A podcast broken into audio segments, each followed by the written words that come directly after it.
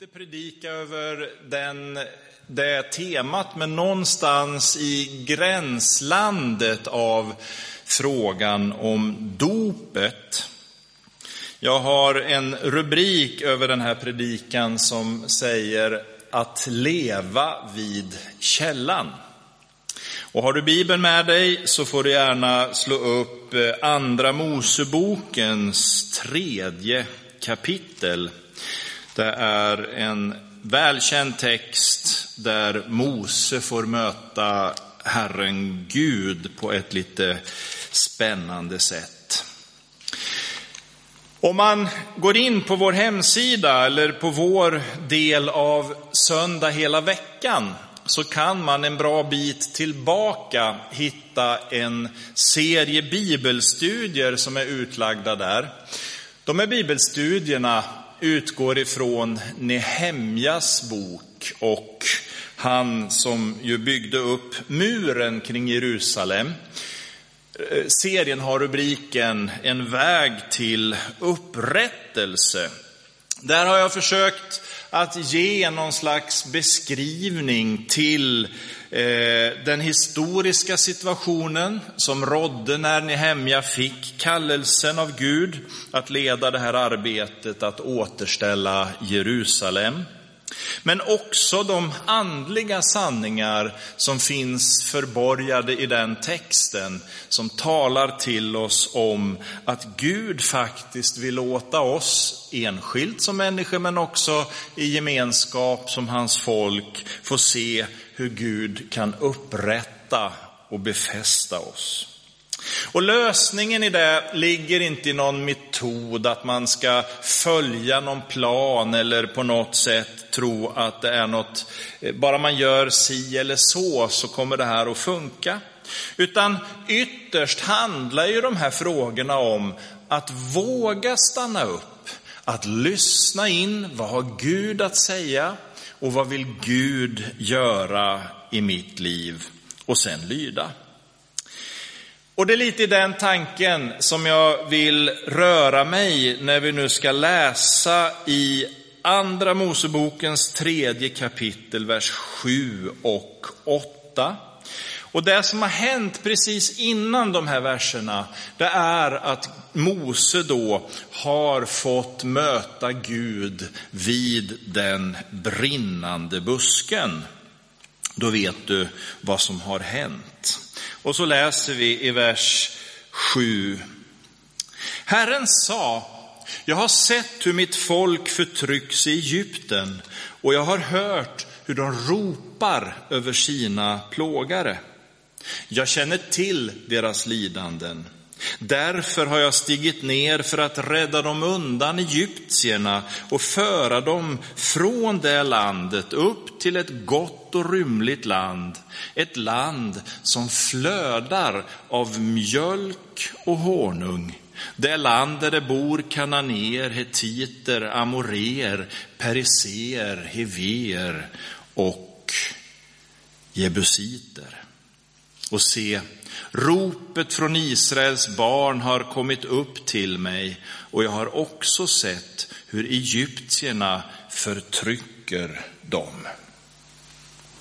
Herre, jag tackar dig för de här orden och denna historiska händelse där du kallade Mose att leda folket. Nu ber vi om ditt ljus över de tankar som ska delas här i förkunnelsen. I Jesu namn. Amen.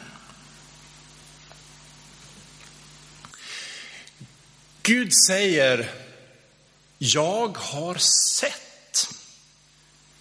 Att se, det är ju viktigt. Att vi som människor får fästa vår blick vid Guds ord så att vi kan välja rätt väg, det är ju faktiskt A och O i vårt lärjungaskap. Och en nyckel där hittar vi ju i psalm 119. Jag tror att det kanske är den vanligaste versen som har skrivits i söndagsskolbarnens biblar. I den 105 versen som säger, ditt ord är mina fötters lykta. Vi behöver se. var vi sätter våra fötter för att veta att vi ska kunna nå målet. Tittar vi oss omkring i vår tid, så inte minst kanske på sociala medier, men även har det ju funnits länge på skolgårdar och andra platser, hårda ord. Det som vi också skulle kunna kalla för mobbning eller osynliggörande av människor. Att få människor att känna sig förbigången och bli osynlig. Många av problemen i vårt samhälle tror jag handlar om just den frågan. Göra någon, en fråga eller någonting annat osynligt, att marginalisera. Tänk bara alla barn som finns runt omkring oss som ropar efter bekräftelse och som tvingas till allt järvare handlingar bara för att någon ska se dem och bekräfta dem. Gud säger, jag har sett ert förtryck. Gud har sett det villkor som det judiska folket lever under. Gud säger, jag ser hur ni har det. Och därför förstår vi också att ingenting är fördolt för Gud. Han ser och han vet. Bibeln lär oss att Herrens ögon överfar hela jorden. Men Gud säger ju inte bara till Mose, jag ser, han säger också, jag hör. Han har hört hur folket har ropat till honom med anledning av plågoandarna, av förtryckarna. Deras situation gjorde att de började sätta ord på det som de levde i. Det står inte att de bad i största allmänhet, men jag tror med tanke på orden att Herrens ögon överfar jorden för att söka efter dem som ger sig hän åt honom. Det är inte orimligt att tro att det judiska folket bad i sin nöd under förtrycket. De ropade till Gud. Jag tror att de bad tårarnas bön. Orden är viktiga. Det var någon som sa att vi profeterar vår framtid med de ord som vi uttalar, eller kanske omvänt, de vi är idag är någonting som vi en gång har sagt. Vi kanske inte ska tolka det där allt för bokstavligt, men jag tror att det ändå finns någonting i den tanken som vi kan ta till oss. Gud inte bara ser oss, han hör oss också. Och går vi tillbaka till ökenvandringen ser vi ju att Gud lät Aron höra vad han skulle säga när han välsignade folket. Och en nyckel bakom välsignelsen som vi använder i våra gudstjänster, det är ju att de ord som prästen talar ut är en uppmaning till Gud, eller faktiskt bokstavligt en befallning till Gud att välsigna folket. Och det gör han. Gud ser och Gud hör.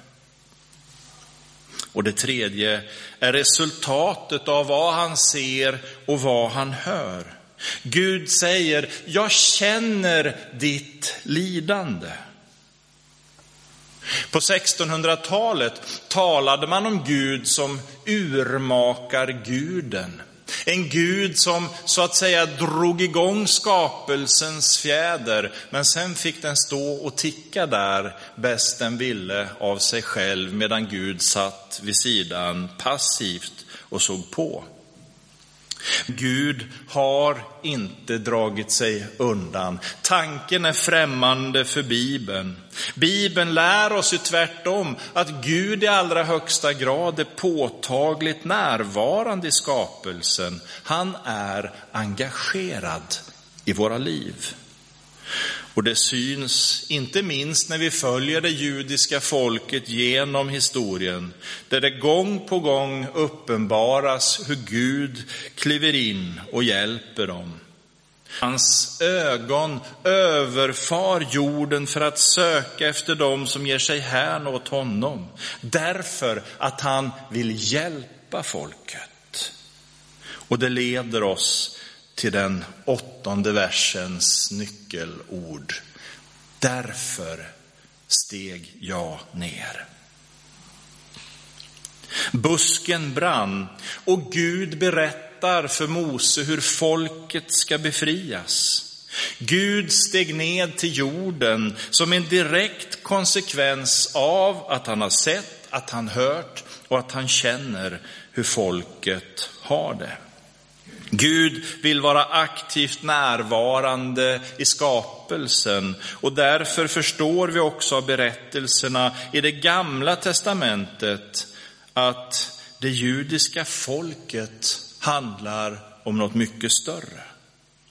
Förstå mig rätt, det judiska folket bär på en unik kallelse som gäller än idag. De är inte mer älskade än någon annan, de är inte bättre än någon annan, tvärtom. Men de är Guds port till mänsklighetens frälsning. Och ifrågasätter vi deras kallelse, ifrågasätter vi också Guds frälsningsplan. Vi försvarar inte det sekulära judar gör, men vi förstår att kallelsen bär det judiska folket fortfarande. De är av Gud ett kallat och utvalt folk än idag. Så ljuset av det gamla testamentet och Guds handlande med det judiska folket förstår vi att det här är mer än en historisk verklighet. Det finns en djup sanning bakom de här berättelserna som leder oss ända fram till Jesus. Därför säger Gud, steg jag ned till er för att återlösa er, för att friköpa er. Först i den historiska verklighet där judarna friköptes ifrån slaveriet i Egypten, men sen till den verkliga, sanna befrielsen där Gud i Jesus friköper oss ifrån syndens slaveri. Och här vänder budskapet. Gud vet hur vi har det. Gud känner dig och så tar vi den tanken med oss i Nya Testamentet och ser berättelsen i Matteus evangeliet där det står att Jesus såg hur illa ställt det var med folket. De var rivna och slagna som får utan herde. Och vi förstår att Gud vill inget hellre än dela våra villkor. Han vill engagera sig i våra liv och inbjuda oss till gemenskap så att han kan befria oss ifrån bördorna vi bär på. Kom till mig, säger Jesus. Jag hör er, sa Gud till Mose. Vi vet av löftesorden i Bibeln såväl som många vittnesbörd som vi bär med oss att Gud också lyssnar till våra böner idag. Bed så ska ni få, säger Jesus. Sök så ska ni finna. Bulta och dörren ska öppnas. Människor kan vara stressade, människor kan vara jäktade. Föräldrar kan ha så mycket omkring sig att de inte har tid när barnen kallar på deras uppmärksamhet. Men så är det inte med vår store far, vår Herre och Frälsare. Han har tid med oss. Han hör vår rop på frälsning. Därför steg han ned till vår jord. Jag har sett, säger Gud till Mose. Och så ser vi på tillfällen i våra liv där vi kanske har känt oss ensamma och uppgivna, då vi rent av upplever att Gud är tyst. Problemen kan hopa sig, omständigheterna tonar upp sig så att Herren skyms. Vi kanske tror att vi har passerat en gräns där Gud gett upp oss för hans tålamod har trutit med oss. Men lyssna, det är själafiendens lögn. Bibeln förkunnar sanningen för oss och den säger att Gud har liv och övernog åt oss var och en. Han ser oss han vet hur vi har det och han vill på alla sätt bevisa sin kärlek till oss. Minns bara rövaren på korset. Hans liv var verkligen ingenting att skryta över. Men på korset, när endast några få minuter av hans liv återstår, då händer någonting. Han möter Jesus. Och hans hjärta var öppet för Guds kärlek. Jesus hörde honom och Jesus såg honom och Jesus kände hans hjärta. Han såg livet som han ägde med allt vad det var i hans hjärta som var burit upp på korset. Men det fanns ingenting där som hindrade Jesus från att i livets yttersta plåga se och älska. Och syndaren blev löst ifrån sina bojor redan samma dag för att han vände sig till Jesus. Att leva vid källan. Gud kom till vår värld för att frälsa oss ifrån den ondes makt. Kom för att bryta syndens makt över våra liv. Gud vet hur vi har det. Gud hör våra böner. Gud ser våra liv. Han kom till världen för att dela våra villkor. Och inget mer krävs än att tro att Jesus handlar om mitt liv. Jesu död på korset var en död för mina synder, inte minst illustrerat i syndaren som hängde vid Jesu sida. När vi får tag på det här och förstår hur lätt det är att bli frälst, då flyttar Gud in i våra hjärtan. Hans ande tar sin boning där och börjar verka i oss. Vi förvandlas och det mest spännande liv vi någonsin kan tänka oss börjar där, när vi lever vid källan. Låt oss be. Himmelske Fader, vi tackar dig för att du i din nåd och barmhärtighet har sett till oss människor. Redan innan skapelsens grund var lagd så var allting klart för oss. Och redan när vi är i moderlivet säger du, ser du oss och vet vilka vi är och vad vi kommer att få leva i. Och du älskar oss. Du älskar oss så förbehållslöst. Tack Jesus att du gav dig själv till försoning för våra synder.